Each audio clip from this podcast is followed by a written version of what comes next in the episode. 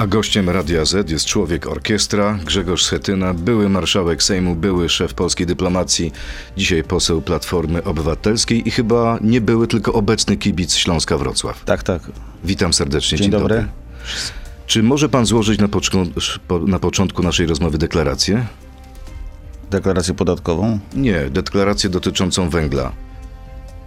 Jak Platforma będzie rządzić, Nie węgla będzie, będzie pod dostatkiem. nie będzie kłopotu z dostawami węgla, tak. To, to trzeba dzisiaj powiedzieć i trzeba egzekwować to od obecnie rządzących, którzy doprowadzili do tej sytuacji. A dlaczego samorządowcy z Platformy nie chcą pomagać rządowi w dystrybucji węgla?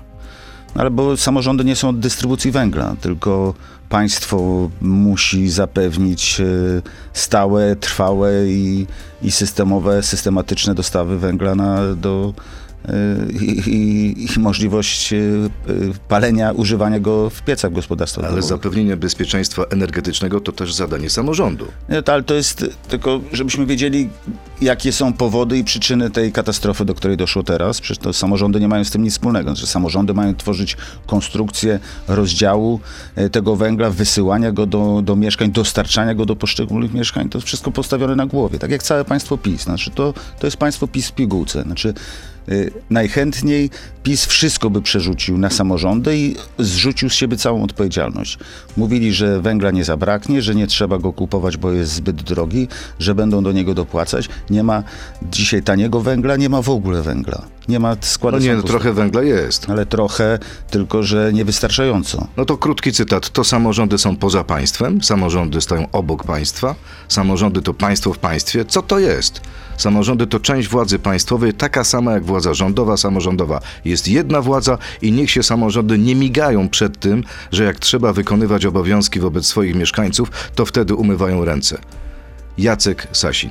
Tak, to, to jest klasyczne szukanie wroga i z, zdejmowanie z siebie odpowiedzialności. No Sasin jest mistrzem w tym, podobnie jak organizował wybory kopertowe czy inne sprawy. Ale on mówi tak, pomóżcie, 100% kochani prezydenci, pomóżcie. Ale Dlaczego on prezydenci nie, mówi, nie, pomogą? rozma- on nie rozmawia z prezydentami. Takie rzeczy, jeżeli chcieliby potraktować samorządy poważnie, po raz pierwszy od siedmiu lat swoich rządów, to spot- na, na posiedzeniu Komisji Wspólnej Rządu i Samorządu zaczęliby o tym rozmawiać. No dzisiaj jest spotkanie z samorządowcami. Ale sa- spotkanie. Ja mówię o miejscach roboczych, gdzie przygotowuje się politykę rządu w porozumieniu z samorządami. To jest komisja wspólna. Sam ją prowadziłem jako wicepremier i minister spraw wewnętrznych i administracji. To jest miejsce, gdzie się takie decyzje przygotowuje.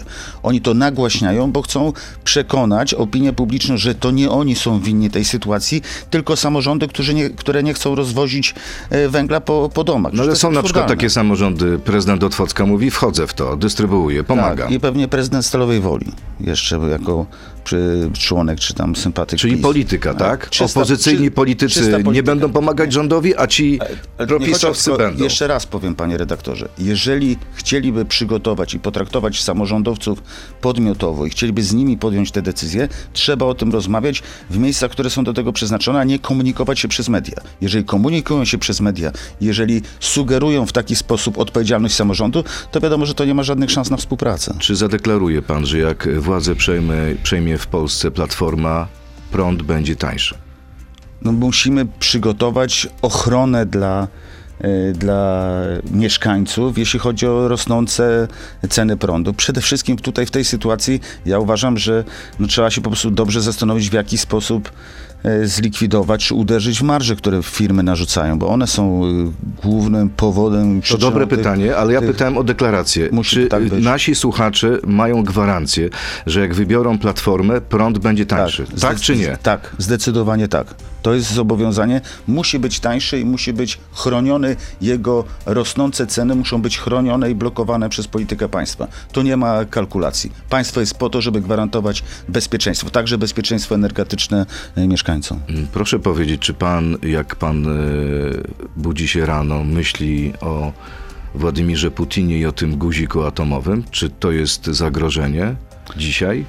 Czy to raczej element dezinformacji rosyjskiej, żeby przestraszyć Zachód? Przed 24 lutego nie myślałem o scenariuszu wojennym, kiedy Wtedy te sygnały przecież od listopada do, docierały, że jest możliwość agresji, takiej klasycznego starcia wojennego, agresji wojskowej. Trudno było sobie to wyobrazić w 2022 roku, po tym wszystkim, co Europa i świat przeszedł.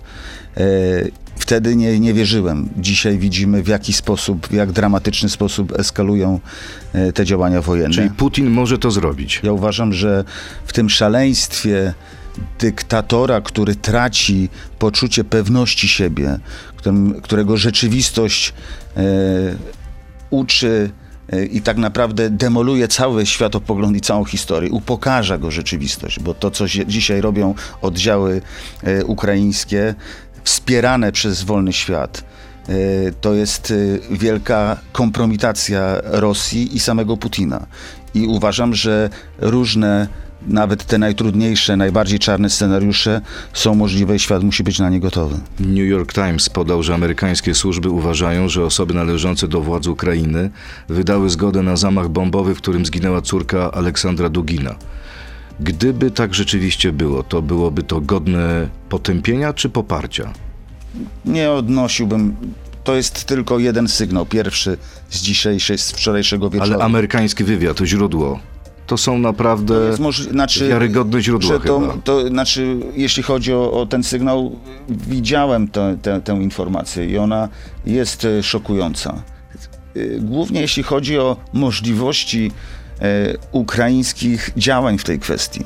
I mam dystans do tej informacji, powiem szczerze, panie redaktorze. Ale pamięta pan, panie przewodniczący, kiedy nie wybuchła jeszcze wojna, były informacje amerykańskiego wywiadu, że ta e, wojna wybuchnie, że będzie agresja. Tak.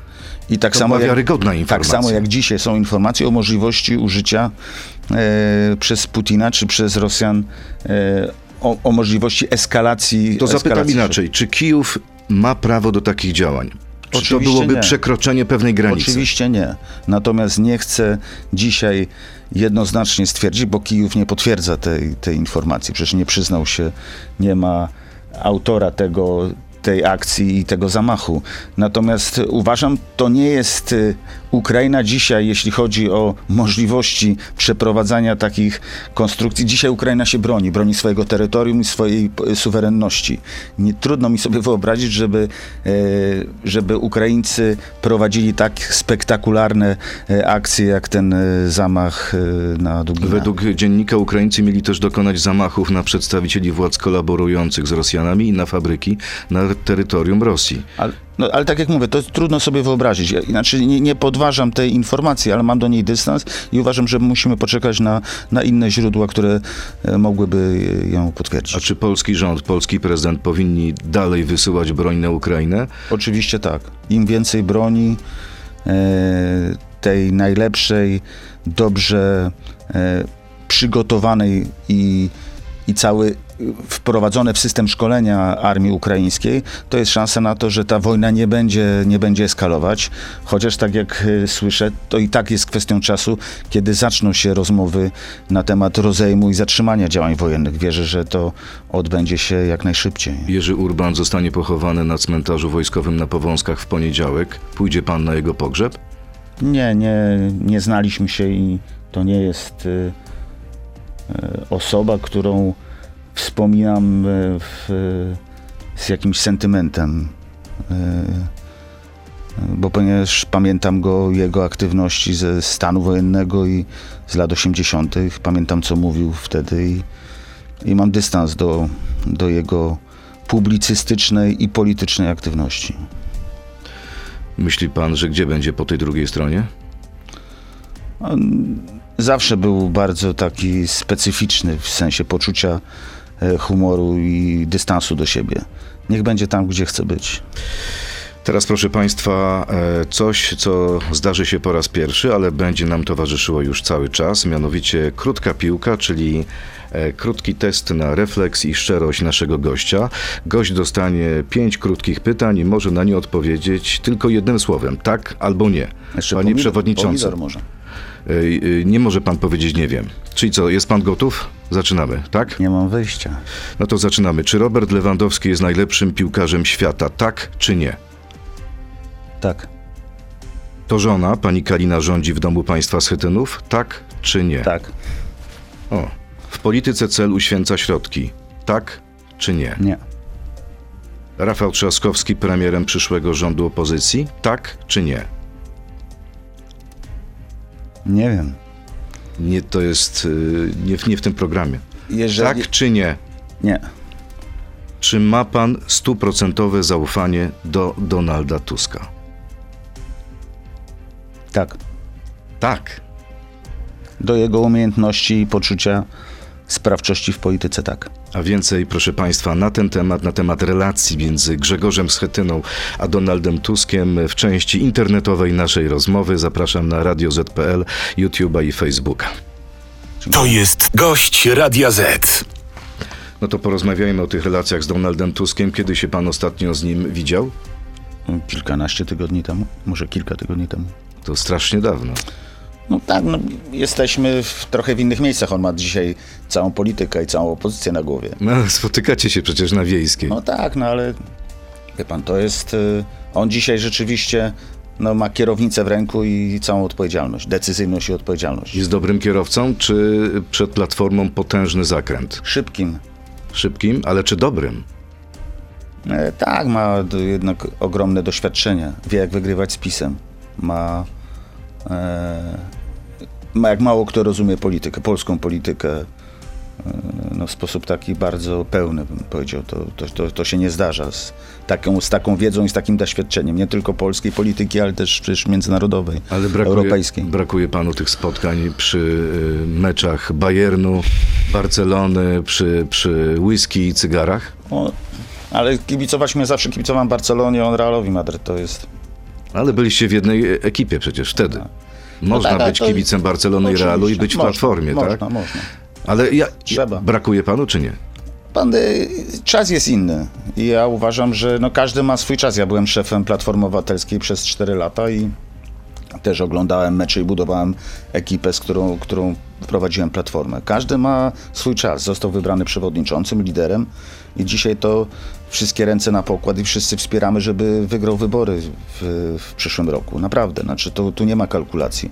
I czy pomagają temu, pomaga temu oglądanie meczów i, i wspólne budowanie relacji pozapolitycznych? Nie jestem przekonany. Ta polityka dzisiaj, ta 22 roku jest inna niż ta z lat 90. No przecież pan też to obserwuje. Ale mówi pan troszeczkę, Lidia. jakby pan chciał pójść na emeryturę już. Nie. Grzegorz Schetyna to jest ten sam Grzegorz Schetyna, co kilkanaście lat temu? Grzegorz Schetyna jest e, tak, bardzo podobny, tylko że polityka jest inna. E, Politycy są inni, rzeczywistość jest zupełnie inna, relacje są inne. Wszystko jest inne niż w latach 90. czy 2000. W którym kierunku to idzie, jeśli chodzi o listy wyborcze? Czy Donald Tusk prowadzi dobrą politykę, e, mówiąc, namawiając do jednej listy, stawiając, jak mówią niektórzy, ultimatum, że do końca roku musimy podjąć decyzję? Jest pytanie, czy jedna lista, no jest, tak jak słyszę dzisiaj od przedstawicieli partii opozycyjnych, jest coraz trudniejsza, tak bym powiedział, bo nigdy nie można zamykać tego e, takiego projektu, bo on jest sam No, w ale sobie. szanse są niewielkie. ale są, są, są, są malejące. To tak. co w zamian? No jest pytanie, ja, ja uważam, że najważniejsze są relacje między liderami opozycji, bo można rozmawiać o wszystkim.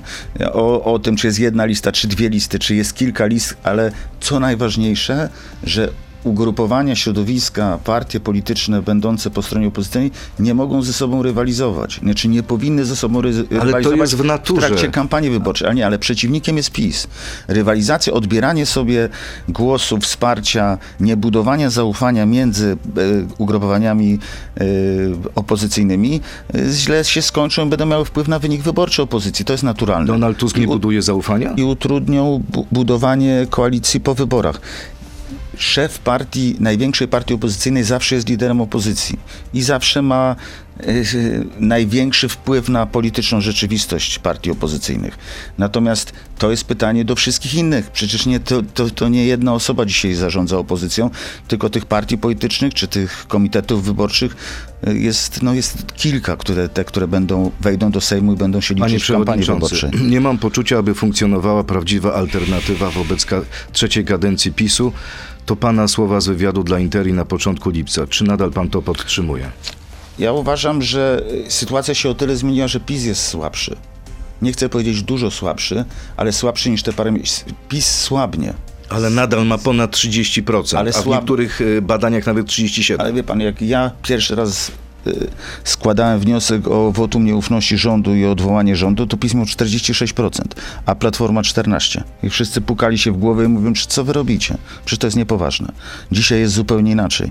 PiS ma między 30 a 30 parę procent, 34, 5 i rzeczywiście słabnie. To już nie jest PiS 40% czy ponad 40%. Dlatego ważne będzie, żeby dobrze zbudować te relacje opozycyjne między y, liderami opozycji, żeby skutecznie e, wygrać Ale wybory. jest ta alternatywa dzisiaj już, jest, czy- czy nie? Znaczy przez słabość PiSu i przez rosnącą rolę opozycji jest ogromna szansa na zwycięstwo wyborów. Jest pytanie tylko, w jaki sposób po wyborach będzie się składać e, koalicję wyborczą, prawda? Jaka będzie matematyka, jakie będzie konkretne rozdanie co do, co do liczby głosów. Pytanie mandatów nawiązujące do tego pytania z krótkiej piłki. Nasz słuchacz MC. Pytanie do byłego lidera Koalicji Obywatelskiej, który przed wyborami 2019 nominował kandydatkę na premiera. Gdyby był pan w tej roli dzisiaj i musiał wybrać, kto byłby lepszym kandydatem na premiera Koalicji Obywatelskiej, zawahał się pan, to kto? Tusk czy Trzaskowski? To jest, dzisiaj to jest, nie, ma tej kwestii. Jak to nie ma? Panie Nie ma, przewodniczący, bo no jest kwestia. Są wyniki badań. Nie, ale jest przewodniczący- 2015 rok. Pamięta pan, co zrobił Kaczyński? Wycofał się do tyłu, wystawił na, e, z przodu najpierw Beatę Dudę, a potem Beatę Szydło. No zgoda, tylko to zrobił Kaczyński. Dzisiaj bardzo wyraźnie Donald Tusk mówi, że jest gotowy, żeby być e, premierem. Jest liderem partii opozycyjnej, przewodniczącym Platformy Obywatelskiej. I nie ma tematu? Obecnie nie ma tematu. Dzisiaj nie ma tematu. Jacek Wielgosz, kolejny słuchacz. Ukończył pan historię. Zgadza się. Tak. Więc do, do jakiego króla porównałby pan Tuska i Kaczyńskiego, a do jakiego samego siebie? Głęboki oddech, tak, to musiał- chwilę refleksji. Musiałbym... Nie wiem, czy to 15, 16, 17. Chrobry. Chrobry? Tak. No kto chrobrym? Tusk. Chro, chrobry, nie chromy. Nie, chrobry Bolesław. Chrobry. A, a Kaczyński? Kaczyński nie wiem, czy to jest. y, To trudno znaleźć, y, bo jest. y, Ale proszę osoba- strzelać. Nie, nie, nie chciałbym, bo musiałbym znaleźć kogoś, jakąś postać taką tragiczną, która. Ale jeśli na przykład biorąc pod uwagę wieku. walkę z Niemcami, to może Jagiełło. y, Tak, ale przy braku skuteczności zdobycia Malborku, Malbor, zamku w Malborku po, po bitwie pod Grunwaldem, to być może tak. Ale parę wyborów wygrał. Wygrał, ale, Nawet te, więcej niż parę. ale te ostatnie przegra. Te jeszcze, przegra. jeszcze do, dopełnienie tego pytania, Jacek Wielgosz. Czy relacje polityczne Donalda Tuska i Angeli Merkel przypominają panu relacje Augusta Poniatowskiego z Carycą Katarzyną? Nie, to, to absurdalne. Nie ma nic wspólnego w tym, w tym porównaniu. Mała a, Miki, mała, mały Mike, jak czuje się pan w obecnym formacie Platformy Obywatelskiej pod rządami Donalda Tuska? Czy nie uważa pan, że Platforma skręciła za bardzo w lewo? Ja myślę, że sytuacja jest inna zupełnie niż wtedy, kiedy Platformę zakładaliśmy. Taką jaką partią szerokiego centrum z tymi konserwatywnymi, liberalnymi nogami. Pamiętam, jak pan mówił o konserwatywnej kotwicy. Gdzie No ona tak. teraz jest?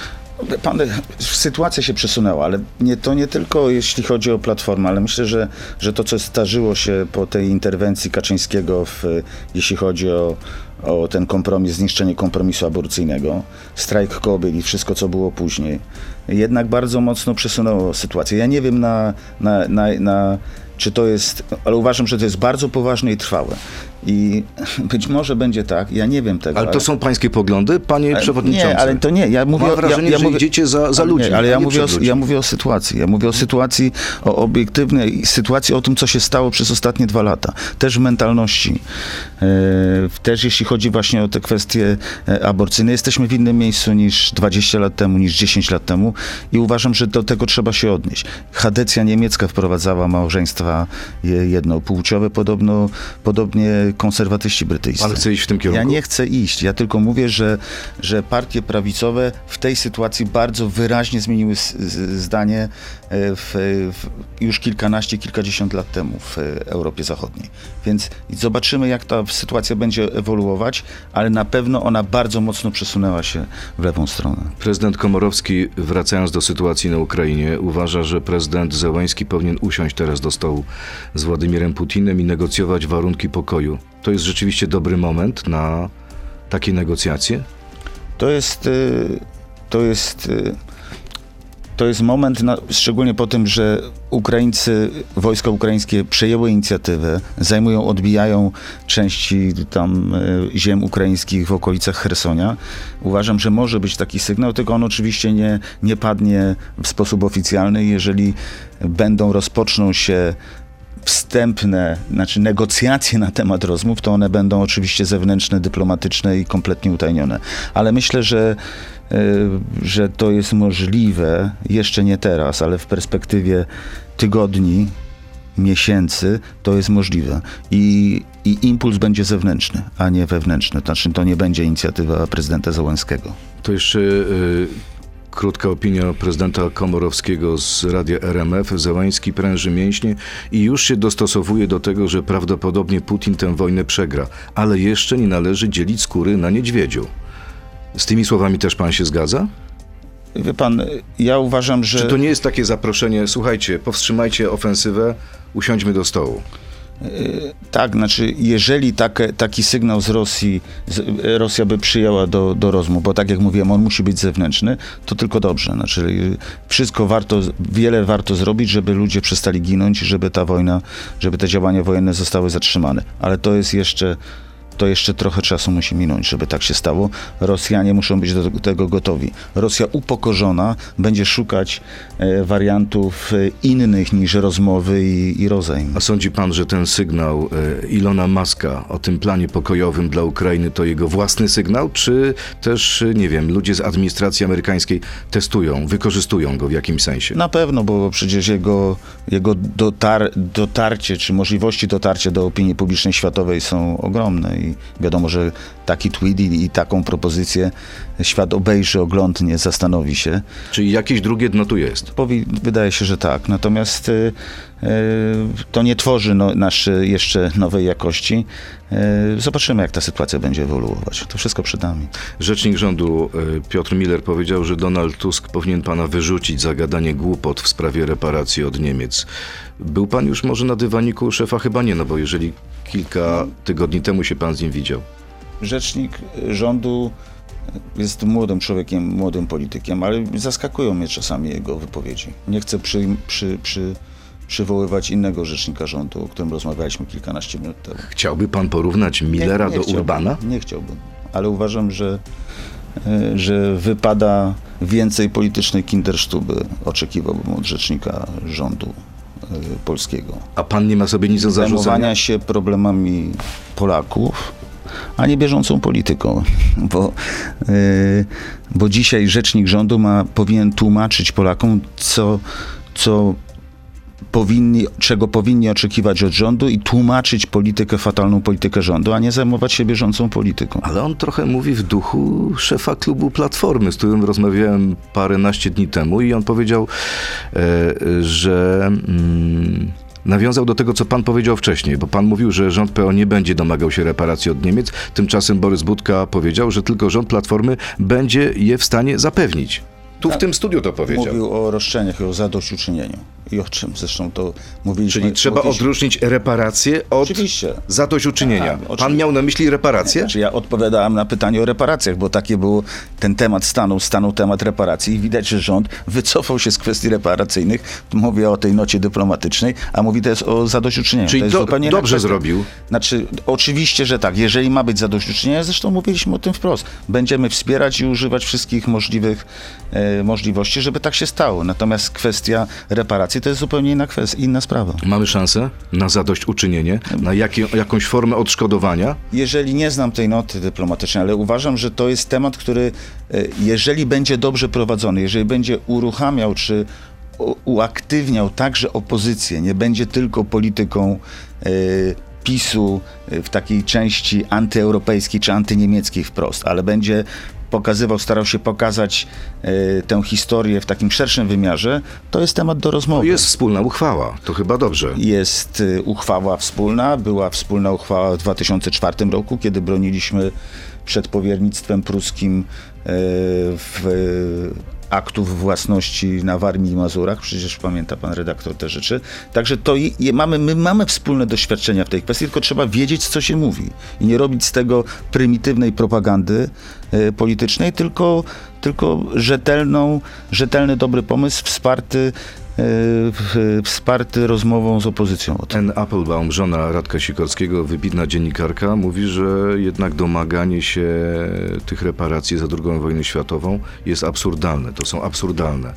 No ale y, y, jeszcze raz powiem, reparacje to coś innego niż zadośćuczynienie. To jest coś zupełnie coś innego.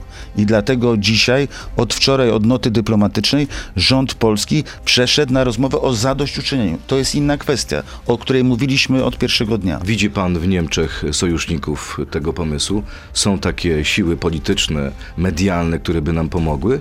Ja myślę, że jeżeli nie będzie zatrzytrzewienia z naszej strony i to nie będzie takiego wymiaru anty, y, czy bieżącego wymiaru walki z, z Berlinem i, i, i z Niemcami w kontekście naszej obecności w Unii Europejskiej, to temat do rozmowy istnieje. Myśli pan, że jakaś rola tutaj jest dla Roberta Lewandowskiego? No, rzeczywiście, no, grał przecież 8 lat w Bayernie i, trz- i Właśnie. 4 lata w Borussii, tak? Znaczy to No, zmienił trochę nawet postrzeganie Polaka w dużej mierze przecież na dla wielu Niemców. potwierdził, że, że, że to jest ogromna jakość, tak? Że, że, że polski napastnik może być najlepszym napastnikiem świata. Czyli to nie jest ten, przepraszam, Polaczek. Y, Na pewno przyniósł, y, tak. y, Zresztą jak nawet kibice Barcelony dzisiaj skandują Lewandowski, Lewandowski, to jest to sympatyczne i człowiek uśmiecha się pod, Oczywiście. pod nosem. No chyba, że jedzie do Mediolanu i, i niestety nie ma żadnej sytuacji. Za tydzień rewanż. Tak jest. Czy wpis Radosława Sikorskiego Thank you USA zaszkodził Platformie? Nie, nie uważam, żeby to miało wpływ Naprawdę? na Platformę Obywatelską. No tak, on jest Zaszkodził bardzo... wizerunkowi? Nie, nie, nie sądzę, on jest bardzo Przecież pokazał ambasador ONZ y, ten tweet. rosyjski w Na- ONZ-cie. Tak jest. No ale tak, ale to nie kwestia Platformy, to jest y, jego licencja poetyka na opis tej sytuacji, która się stała w Nord Stream 1 i 2. Natomiast sprawa jest y, zamknięta i, i uważam, że ma swoją, ma swój koniec. Znaczy nie, nie będzie w żaden Żadnych sposób... konsekwencji nie powinien wyciągać y, Ale wobec to, niego to już jest Donald kwestia rozmowy, ale tam wiem, że rozmawiali i tę sprawę wyjaśnili, także sprawa, sprawa zamknięta. A Radek Sikorski to przyszły minister spraw zagranicznych rządu opozycji? No, trudno powiedzieć, bo te wszystkie nasze historie ministerialne są sprzed dobrych kilku, kilkunastu lat, więc y, to jest pytanie, jak, jak, w jaki sposób opozycja wygra wybory, jaka będzie koalicja, ile będzie segmentów tej koalicji, ile, ile partii będzie ją tworzyć. No to jest, tych pytań jest ogrom. A pan Także chciałby wrócić do MSZ? Ja bym chciał wygrać z PiSem. I to mówię zupełnie wprost, bo uważam, że dzisiaj to jest najważniejsze. Te wybory będą o wszystko. Jak ktoś mi dzisiaj mówi, że wybory samorządowe, że trzeba się zastanowić nad tymi wyborami, które będą później, mówię, nic nie będzie później. Znaczy, to nie jest ważne, nic nie jest ważne tak bardzo jak te wybory i dobra współpraca opozycji, żeby je wygrać. I, i dzisiaj za to trzymamy kciuki i ciężko wiosłujemy, żeby, żeby dopłynąć do tej dobrej, dobrej mety. I wiosłuje pan w tym samym kierunku co Donald Tusk. W jedną stronę można wiosłować, znaczy jest tak, tak, jest kwestia Ale jeszcze- siedzicie nadal w jednej łódce? jeszcze kwestia ułożenia steru. Oczywiście, że tak. Ale sternikiem jest Donald Tusk. Tak jest. A pan jest tylko wioślarzem. Ale jest nas wielu, więc trzeba i wiosłować, i dobrze sterować, żeby dopłynąć. Szymon. Hołownia mówi, że Platforma jest partią Starego Świata. Tak jak PiS zresztą. Czuje się pan trochę takim emerytem już? Czas oddać młodym politykę? Pan, e, Polityka to nie jest e, sport, że tutaj PESEL decyduje i wysyła na emeryturę e, świetnego gracza ze świetną historią, który ma, no, zbliża się na przykład do 40 i, i, i ma fizyczne ograniczenia w, w wysiłku i w, w, w byciu gwiazdą tak jak wcześniej. Polityka wymaga cierpliwości, konsekwencji, doświadczenia, ale musi być miksem. Takim dobrym złożeniem tego, co dynamiczne, młode, ofensywne, e, takie radosne i nie nie, be, be, bez, e, prowadzone bez kalkulacji, z doświadczeniem, cierpliwością i konsekwencją. To jest A, najlepszy a ma to miks. Hołownia? Ma to Szymon Hołownia? Ma ludzi wokół siebie, którzy mają doświadczenie polityczne takie wprost i, i, i, i po nie sięga, tak jak widzę, więc y, wszystko się będzie działo jeszcze. Mamy rok, żeby opozycja znalazła te relacje między sobą, przede wszystkim liderzy. A Szymon Hołownia mógłby być wspólnym kandydatem opozycji w 2025 roku? Powie- o wyborach prezydenckich pan mówi, a ja mówię o wyborach 23 roku. Poza nie nie wykraczam dzisiaj. W ogóle? Wie pan, ja bym powiedział tak. 20 miesięcy w Polsce zdecyduje o tym, jak Polska będzie wyglądać przez 10-20 lat. To są wybory parlamentarne, które będą wiosną, czyli w październiku, potem będą wybory samorządowe w kwietniu następnego roku 24, w maju będą, w maju, czerwiec wybory parlamentarne i prezydenckie w e, lipcu następnego roku. 20 miesięcy. I opozycja musi być przygotowana do czterech wyborów, ale zaczynamy od października przyszłego roku. 20 miesięcy, za nami 30 minut y, interesującej rozmowy. Bardzo dziękuję. Grzegorz Setyna był gościem Radia Z. Dziękuję. To był gość Radia Z. Słuchaj codziennie w Radio Z i na player radioz.pl.